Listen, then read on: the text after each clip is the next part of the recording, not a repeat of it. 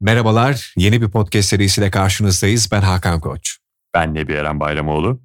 Diyaloglar ismini verdiğimiz bu podcast serisinde ekseriyetle edebiyatın dışında olacağız. Evet, ara ara dönüp edebiyata bakacağız ama konularımız edebiyatın dışında olacaklar. Bugün de konuğumuz müzik dünyasının altın ismi Elvis Presley olacak. Neler söyleyeceksin Hakan? Elvis'i ben çok uzun zamandır dinliyorum. Evet belki son yıllarda nispeten daha az dinliyorum ama Elvis sevdiğim bir isim. Ve yaşam öyküsünde merak ettiğim bir isim. Senin Elvis'i çok sevdiğini biliyorum, yakından tanıdığını biliyorum. O yüzden bu ilk bölümde Elvis'i konuşmak seninle birlikte bence güzel olacak. Evet yani aslında benim de niyetim vardı. Ya kanalda ya da bir şekilde Elvis'ten bahsetmek istiyordum. Çünkü gerçekten senin de ifade ettiğin gibi Elvis'i çok severek dinliyorum. Çok seviyorum onu. Ve böylesiyle bu vesileyle ondan biraz bahsedecek olmak beni de heyecanlandırdı. Eğer arzu edersen ben Elvis kimdir, e, neler yapmıştır birazcık onlardan bahsedeyim olur mu? Olur. Elvis Presley kimdir? Anlat bakalım bize. Neler var? Tabii ki. Elvis Presley kimdir? Öncelikle bir müzik dehasıdır, bir sanatçıdır ve aynı zamanda bir kraldır Elvis. Yani hayranlar onu bu isimle hitap ediyorlar. 8 Ocak 1935'te Mississippi Tupelo'da doğmuş 16 e, Ağustos 1977'de de Memphis'te gözlerini hayata kapamış bir sanatçıdır Elvis. Yani 42 yıllık bir ömür sürmüştür Elvis. Bugün yaşasaydı 85 yaşında olacaktı ve yaşayan efsaneler arasında olacaktı ama o erken aramızdan ayrılmayı tercih etti diyebiliriz. Ee, gerçi tercih ettirmek çok yerinde olmaz. Ee, onun birazdan detaylarına gireceğiz. Sancılı bir ömür yaşadı ve sonucunda maalesef hazin bir sonla bizlere veda etti. Elvis, Vernon Presley ve Gladys Presley yani baba Vernon, anne Gladys Presley'den oluşan bir aileden dünyaya geliyor. 1935 yılında doğduğunu söylemiştik. Burada ilginç bir nokta var. Elvis'in aslında bir de ikizi vardı. Ama ikizi dünyaya gözlerini açamadan hayata veda ediyor. Yani Elvis ikisini ikizini kaybediyor. Hatta bu konuyla ilgili Elvis'in annesi Gladys e, şu, şu minvalde bir şey söylüyor. Yani muhtemelen Elvis onun da ruhunu taşıyor onun bu denli başarılı olmasında aynı zamanda kardeşinin de ruhu olduğunu söylüyor bir anne olarak. Aslında e, kariyer şöyle başlıyor diyebiliriz Hakan. Yani çok küçük yaşlarda 10-11 yaşlarında e, anne babadan istediği bir bisiklet var. Ama tabii anne baba yoksul hatta e, babası çok ufak çok düşük meblağdan bir borç yüzünden bir hapis cezası da yatıyor. Dolayısıyla bir yoksulluk var. Amerika'da şimdiki gibi değil o zamanlar. Ve haliyle Elvis'e bisiklet alamıyorlar. Onun yerine bir gitar alıyorlar ve işte burada Elvis Presley'in doğumu başlıyor diyebilirim. Detayları yani bir, var onları da konuşacağız. Yani bir aslında bir nevi bir yokluktan e, aldığı bir gitar onun hayatındaki büyük bir kırılma anı oluyor doğru mu? Evet kesinlikle öyle. Hatta ben, o gitarla... Hı hı. Özür dilerim abi devam et. Estağfurullah. Hatta o gitarla Elvis Presley bölgesel bir yarışmaya katılıyor o yarışmada işte kovboy kıyafetleriyle gidiyor ve o tarz bir müzikle sahneye çıkıyor. Henüz çok küçük hatta sandalyeyle sahneye çıktığı söyleniyor. E tabii o yarışmada ikincilik elde ediyor ve aldığı ödül 5, 5 e, dolarlık bir ödül. Sonrasında Elvis sanıyorum bu 5 dolar onu fazlasıyla teşvik etmiş olacak ki bundan sonraki hayatında da müziksiz tek bir gün geçirmiyor. Ve tabii ergenlik dönemlerinde de aslında e, gerek tarzıyla gerek şu bıraktığı favorileriyle gerek saçlarındaki biryantinle aslında yaşıtlarından çok farklı. Ve sonrasında da işte yavaş yavaş yükselişe geçen bir kariyer bizleri bekliyor. Yine bununla ilgili de bir iki detay var onları da birazdan söylemiş olacağım. Senin merak ettiğin bir şey varsa burada sorunu evet, alabiliriz tabii merak ki. ettiğim bir şey var. Şu kariyerinin yaşamının ilerleyen yıllarına bakmak istiyorum. Ama öncesinde başka merak ettiğim bir şey var. O da senin Elvis'la nasıl tanıştığın ve Elvis'i neden bu kadar çok sevdiğin. Bunun bir hikayesi ya da sendeki yerine dair söyleyebileceğin bir şeyler var mı? Yani aslında net bir tarif veremiyorum ama küçüklük yıllarımda işte aslında kulağıma bir şekilde bir Elvis Presley çalınıyordu benim. Yani o giyimiyle, kuşamıyla, tarzıyla gördüğümde anımsadığım bir adamdı benim Elvis Presley. Sonra özellikle üniversite yıllarımda, üniversitenin ilk yıllarında birkaç müziğini dinledim ben Elvis'in. Sonra orada beni çeken bir şeyler oldu o müzikte. Ve tabii sonrasında sesi hoşuma gitti. Sonra Elvis hakikaten çok e, bu kız erkek fark etmeksizin kendisine çeken bir aura var Elvis'in. Müthiş bir enerjisi var. Çok pozitif bir enerjisi var. Ve dolayısıyla bunu Elvis'in yaşantısını araştırmaya itti beni. Ve yaşantısının detaylarına baktığımda da aslında o şaşalı hayatının gerisinde çok masum, çok iyi niyetli, çok berrak bir insan yattığını gördüm. Benim Elvis'i sevmemdeki, onu dinlememdeki, onu takip, takip etmemdeki en önemli etmenler bunlar oldu diyebilirim. Yani kısaca böyle özetleyebilirim Elvis'e olan düşkünlüğümü. Peki Elvis Presley nasıl Elvis Presley oluyor? Yani onun Hı-hı. kariyerindeki kırılma anı gerçek anlamda Hı-hı. hangi nokta? Yanlış hatırlamıyorsam Elvis o zamanlar tabii e, Mem şeyde özür dilerim Mississippi yani Tupelo'da e, kuzenleriyle beraber işte ara ara müzikler yapıyorlar. Yani Elvis'in aslında müzikle uğraştığı arkadaşları tarafından biliniyor, kuzenleri tarafından biliniyor. Güzel bir ekip oluşturuyorlar. Daha sonrasında e, işte Sun Records dediğimiz yani Sam Phillips'in sahibi olduğu Sun Records'ta bir iki deneme çekimi yapıyorlar. Fakat Elvis burada istediği performansı gösteremiyor. Bir iki kayıt alıyorlar Elvis bir türlü potansiyelini ortaya çıkaramıyor. Sonrasında tabii çok canları sıkılıyor. Kuzenleri falan da hatta hadi bırakalım bugünlük yeter diyorlar. Stüdyoyu terk edecekken Elvis bir şeyler mırıldanmaya başlıyor. Hatta o şarkıda yanılmıyorsam That's Alright Mama parçası. Sonrasında Elvis'in bu parçayı mırıldanması yapımcının çok dikkatini çekiyor. Yani Sam Phillips yanlış hatırlamıyorsam yine e, hatalıysam zaten dinleyiciler düzelteceklerdir. Sam Phillips'in çok dikkatini çekiyor ve Elvis'e tekrar söylüyor bir daha mırıldanır mısın diyor. Sonrasında Elvis tekrardan mırıldanıyor ve Sam Phillips ondaki inanılmaz yeteneği fark ediyor. Hatta diyor ki sen neden diğer şarkıları söylüyorsun ki bunları söylesene gibi. Çünkü Elvis sesini inanılmaz aralıklarda kullanabilen birisi. Yani o zamanlar 19 yaşlarında, 19-20 yaşlarında o yaşlarda birisinin bu denli bariton, bu denli yüksek seslere çıkıp ve aynı zamanda tiz seslere çıkması çok görülen bir şey değil.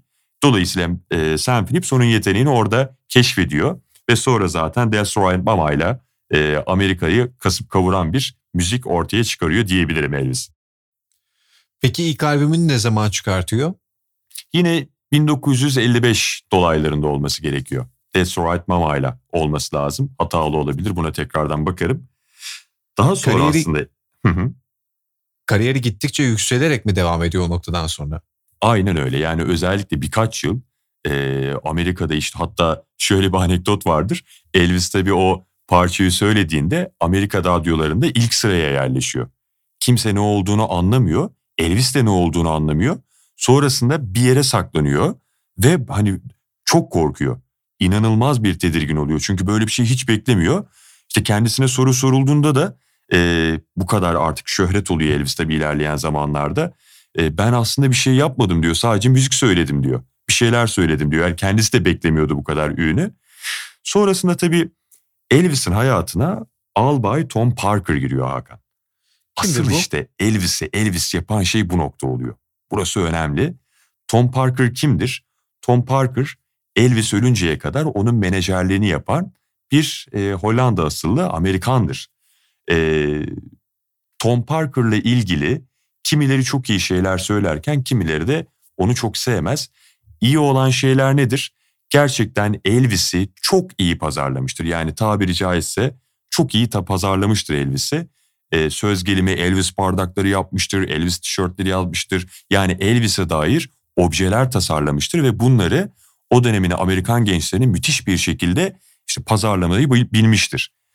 Tabii Elvis üzerinden de çok fazla para kazanmıştır. Özellikle Elvis'in kariyerinin e, sonraki yıllarında belki hiçbir menajere olanak sağlamayacak şekilde bir kariyer yapmıştır e, Albay Tom Parker.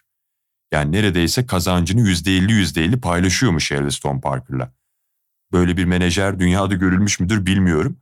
E, bu yüzden birçok kişi de aslında onun onu Elvis'i kullandığı noktasında eleştiriyor. Daha sonrasında tabii bir şekilde Elvis artık Amerika'nın göz bebeği haline geliyor. Ee, aslında kimi e, taraftarlar Elvis'ten nefret ederken çünkü çok cazibeli ve e, Elvis the Pelvis diyorlar ona. Yani çünkü vücudunu çok fazla kullandığı için hatta o dönemki Amerikan toplumu tarafından ciddi anlamda dışlanıyor Elvis. Bir noktadan sonra televizyonlarda belden aşağısı Elvis'in gözükmüyor. Sadece kalça yukarısı var.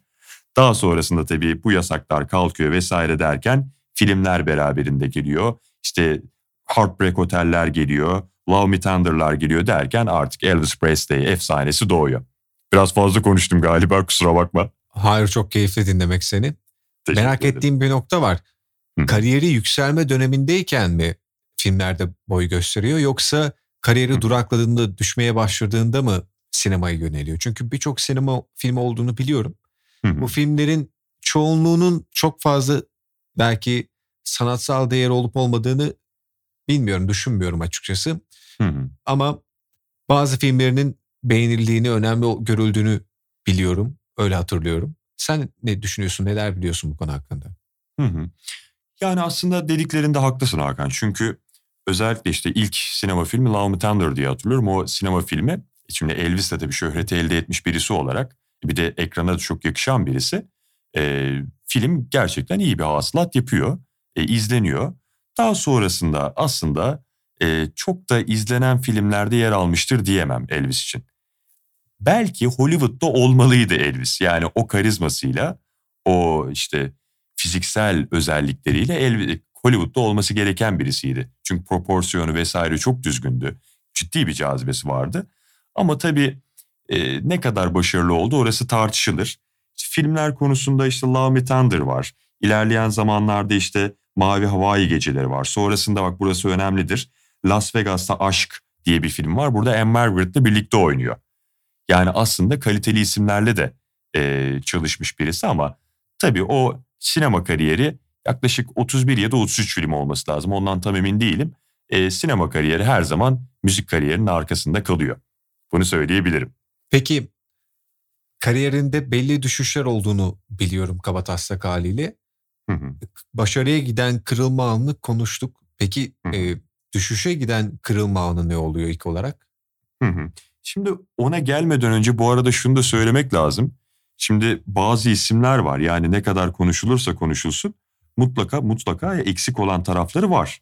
Yani bugün biz bizim için de bu böyle aslında. Eminim sohbetin sonunda ah be Hakan keşke sundan da bahsetseydik filan diyebiliriz. Dolayısıyla ben aklıma geldikçe senin sorundan bağımsız ya da senin sorunu öteleyecek bazı cevaplar verebilirim. Mesela bu onlardan bir tanesi. Şimdi aklıma geldikçe söylüyorum. Jailhouse Rock vardır değil mi Hakan? Evet. aslında Elvis'i dünyaya tanıdan bir Jailhouse Rock vardır. İşte nasıl oldu o One Two Party yani işte nasıldı Candy Jail falan diye böyle hepimizin bildiği bir Jailhouse Rock vardır mesela. Sonrasında işte ne vardır? E, what is the four for money? Two for a show gibi böyle e, Blue Switch Shoes, Shoes adlı parçaları vardır. Bunlar Elvis'i gerçekten dünya kamuoyuna tanıtmış isimlerdir. Böyle parlak bir kariyer var Elvis noktasında. Ama tabii daha sonra Elvis ee, orada albayın parmağı var mı bilmiyorum ama askere gitmeye karar veriyor. Yani Almanya'da e, Amerikan ordusunda görev oluyor Elvis. Askere gittikten sonra tabii yine popülerliği had safhada orada da çok seviliyor. Artık ünü Amerika dışına taşmaya başlıyor. Ama burada Elvis annesini kaybediyor. Annesini kaybettikten sonra Elvis belki de ömür boyu toparlayamayacağı bir sürece giriyor. Yani belki de ilk düşüş burada başlıyor diyebilirim. Çünkü annesiyle Elvis arasında inanılmaz bir bağ var Hakan. Yani her anneyle oğul arasında vardır ama onların arasındaki ilişki çok daha başkaymış. Çünkü yoksulluk var. Bir de Elvis'in ikizi ölünce zannediyorum annelik duygusuyla Glady Elvis'e çok daha fazla kol kanat gerdi. Hatta arkadaşları Elvis'e okulda vesaire ana kuzusu derlermiş. O denli bir bağ var aralarında. E tabi bu bağ, bu bağ annesinin ölümüyle ciddi anlamda zedeleniyor. Dolayısıyla Elvis bir çöküntü dönemine girebiliyor diyebilirim. Yani ilk çöküş burada başlıyor diyebilirim Hakan. Sonrasında neler oluyor hayatında? Evleniyor galiba. Evet, e, 1967 yılında işte askerde tanışmış olduğu Presley Presley ile evleniyor. Elvis o Presley o zamanlar 22 yaşında, Elvis 32 yaşında ama e, belki de ömrü boyunca hayatında aşkla sevdiği tek kadın Presley oluyor. O evliliklerden de bahsedeyim mi birazcık? Olur elbette. Tabii. Şimdi Priscilla ile Elvis çok severek evleniyor. Yani gerçekten bir de yakışan da bir çift bakıldığında. Çünkü gerçekten Priscilla da en az Elvis kadar e, görüntüsüyle dikkat çeken birisi. Evleniyorlar. E, bu evlilikten Liza Mary adlarında bir adında bir kızları oluyor hatta. Bugün hala yaşıyor kendisi. Hatta o da geçenlerde oğlunu kaybetti. Elvis'in torunu yani e, vefat etti. Vesaire halen yaşıyor. E, fakat bu evlilik 1973 yılında e, son buluyor. Neden son buluyor? Çünkü Priscilla Elvis'i e, karate hocasıyla aldatıyor. E, işte yani Elvis'e ikinci darbe aslında. Ama buradan sonra... Özür dilerim böldüm. Estağfurullah. Galiba o sürece giderken Elvis'in de bir bunalım süreci ve e, düşüş süre, süreci mi başlıyor? Doğru, doğru. Yani yanlış hatırlamıyorsam Hakan, e, bu konuyla ilgili Priscilla bir kitap yazıyor. Ben o kitabı okudum, okumadım ama kitaptan bir alıntı hatırlıyorum. E, Priscilla şey diyor, onun tek aşkı annesiydi diyor Elvis için. Yani annesi öldükten sonra dedik ki Elvis toparlayamıyor diye. Aslında Priscilla da söylediklerimizi doğrulayan bir şey söylüyor orada. Annesiyle olan o ilişkisini, annesinin ölümünü Elvis bir türlü unutamıyor. Ve dolayısıyla aslında yasal uyuşturucu dediğimiz birçok böyle zihni uyuşturan maddeler kullanmaya başlıyor, ilaçlar kullanmaya başlıyor. Bu ilaçlar da tabii onun sağlığına etki ediyor. Burada Priscilla ile ayrılma noktasında belki şunları da söyleyebiliriz Hakan. Yani Priscilla çok genç yaşta çok büyük bir şöhretin sahibi oluyor. Çok büyük bir maddiyatın sahibi oluyor. Ekonomik anlamda inanılmaz rahat ediyor. Elvis tarafından hediyelere boğuluyor değil mi? Arabalar, özel okullar, akla gelebilecek her türlü lüksü yaşıyor. Bir noktadan sonra zannediyorum Priscilla bundan sıkılıyor ve kendi ayaklarının üstünde durmak istiyor. Ve ne yazık ki böyle bir yolu tercih etmiş oluyor diyebilirim. Peki. Yani. Hı hı. Şöyle bir şey söylemiştin. Pek az sanatçı Elvis gibi bir düşüşten sonra tekrar zirveye çıkabilmiştir gibi bir şey demiştin yanlış hatırlamıyorsam. Hı hı, Böyle bir durum da var galiba. Kariyerinde bir düşüşten sonra tekrar evet. zirveye çıkabilmiş ender sanatçılardan biri öyle mi? Bence kesinlikle öyle. Neden öyle? Çünkü e, NBC 68 geri dönüşü özel diye bir program yapıyor. Elvis bu programa artık yeni imajıyla katılıyor. Yani nasıl bir imajdır bu Hakan? İşte tabii ki Elvis aslında ilk şöhreti yakaladığı yıllarda da giyimiyle kuşamıyla marjinal birisi ama bizim Elvis'i ikonlaştırdığımız görüntü yani Elvis'in imajı genellikle nedir işte değil mi? İşte o Amerikan kartalı kostümlerle değil mi? Böyle parıldayan evet. kostümlerle, incilerle bezenmiş kostümlerle gördüğümüz Elvis'tir. İşte aslında bu dönüşüm o yıllarda başlıyor. 68 sonrasında başlıyor.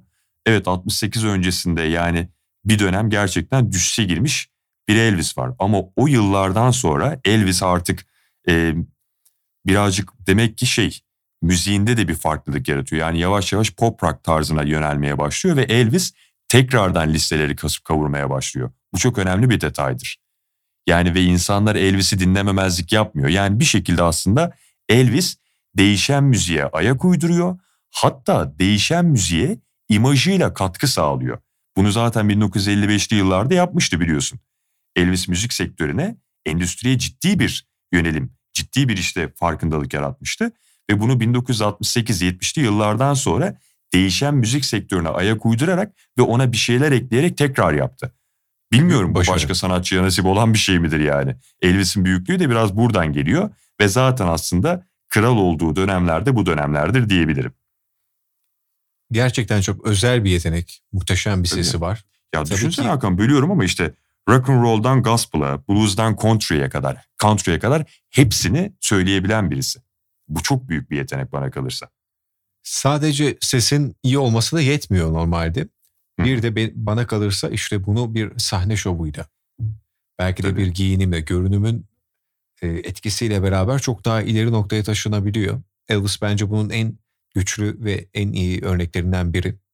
Kesinlikle. Sonrasında ama çok ben Elvis'in özellikle e, ölmeden önceki son dönemlerine baktığımda birazcık üzücü bir tabloyla karşılaşıyorum. O ihtişamlı, görkemli günlerinden uzakta birini görüyorum. Çok fazla kilo almış, sağlığı çok açık şekilde e, ciddi düzeylerde yıpranmış birini görüyorum. Hı hı. E, o süreçler nasıl? Çok fazla kilo alıyor. Hı. E, bağımlılığının etkisiyle beraber sağlığını süratle kaybediyor. Evet. Şöyle bir durum yani dediklerine destek olmak diliyle söylüyorum. Şimdi seninle Suspicious Minds değil mi? Bazen söyleriz bunu beraber.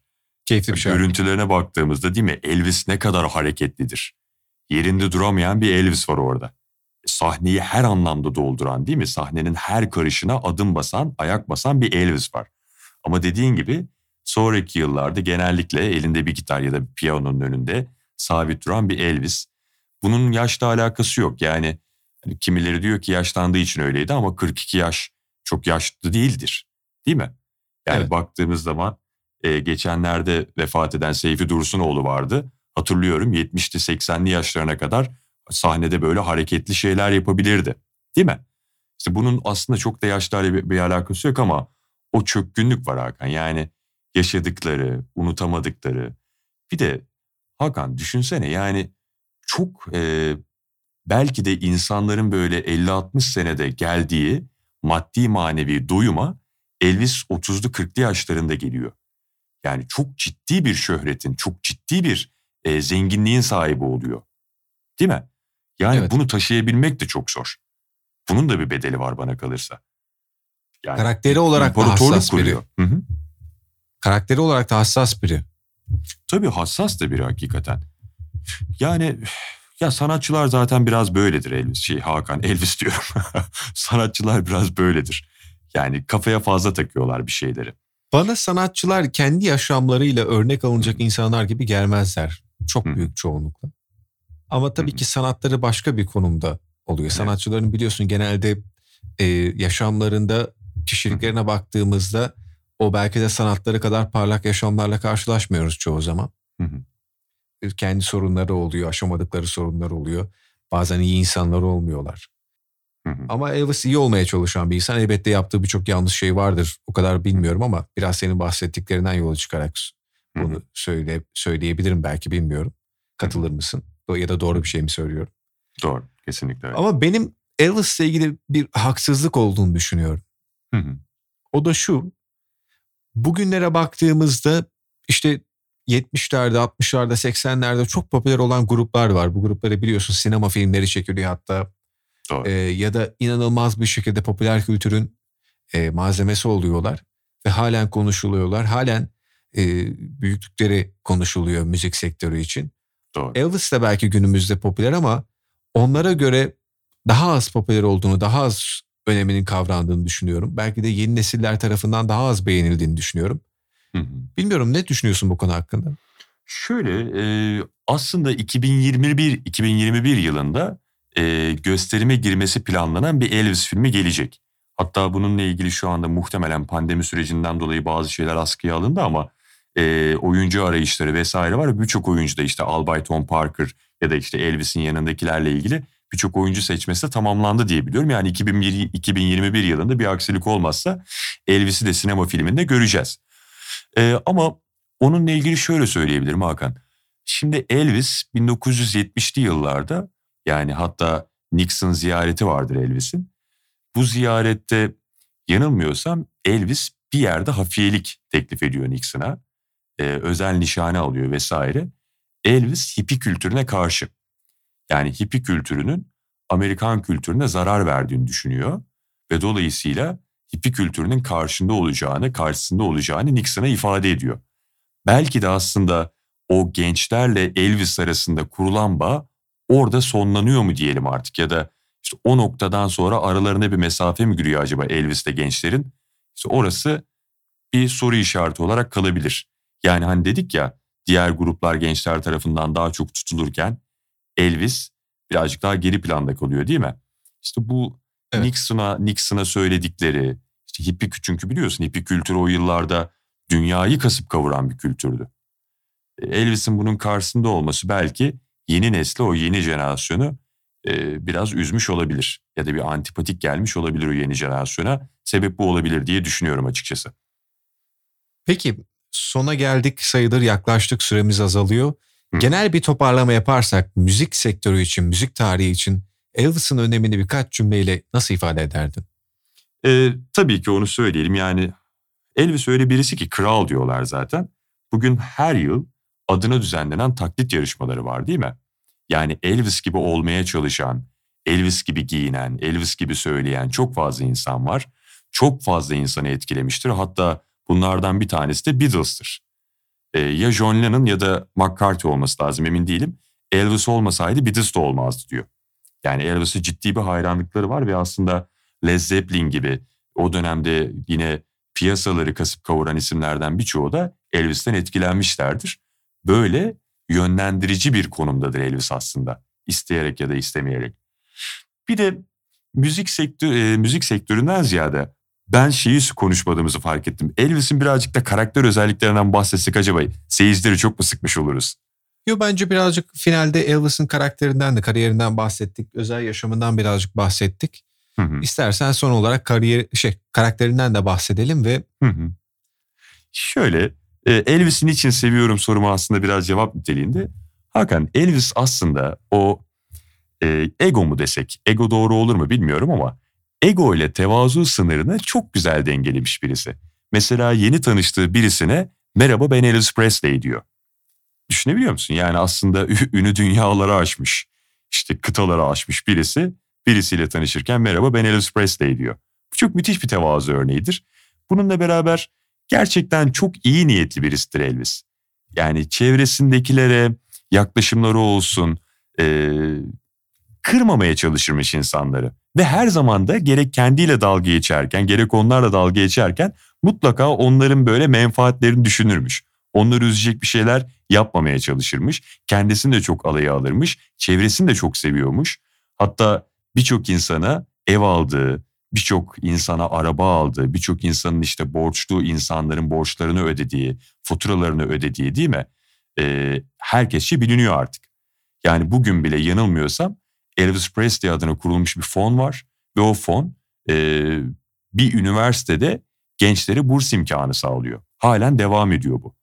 Yani hayır hayır anlamında da Elvis gerçekten kendisini aşmış birisidir. Yani özünde çok iyi bir insandır. Aslında Elvis'i sevenler birazcık da bu yönünü fark ettiği için seviyorlar. Yani o sahnedeki hareketlerinden bile anlayabiliyorsun onu. Tavrından bile anlayabiliyorsun Hakan. Kötü niyetli birisi değil. Elbette aşırılıkları olmuştur. Yani dedik ya çok ciddi bir şöhretin sahibi çünkü. Elbette bunlar olmuştur ama özüne baktığımızda aslında çok da böyle yumuşak, naif, güzel bir insanmış Elvis. Benim de Elvis'i sevmemdeki temel faktörlerden bir tanesi budur diyebilirim. Değerli dostum, ben çok güzel bir sohbet oldu. Umarım dinleyicilerimizin de hoşuna gider. Çok teşekkür ederim. Ee, ben de bildiklerimi aktarmaya çalıştım naçizane. Ee, arzu edersen, ha bu arada bu konu konuyu açıyor. Son bir hatırlatma yapacağım. Şimdi ben hep söylüyorum.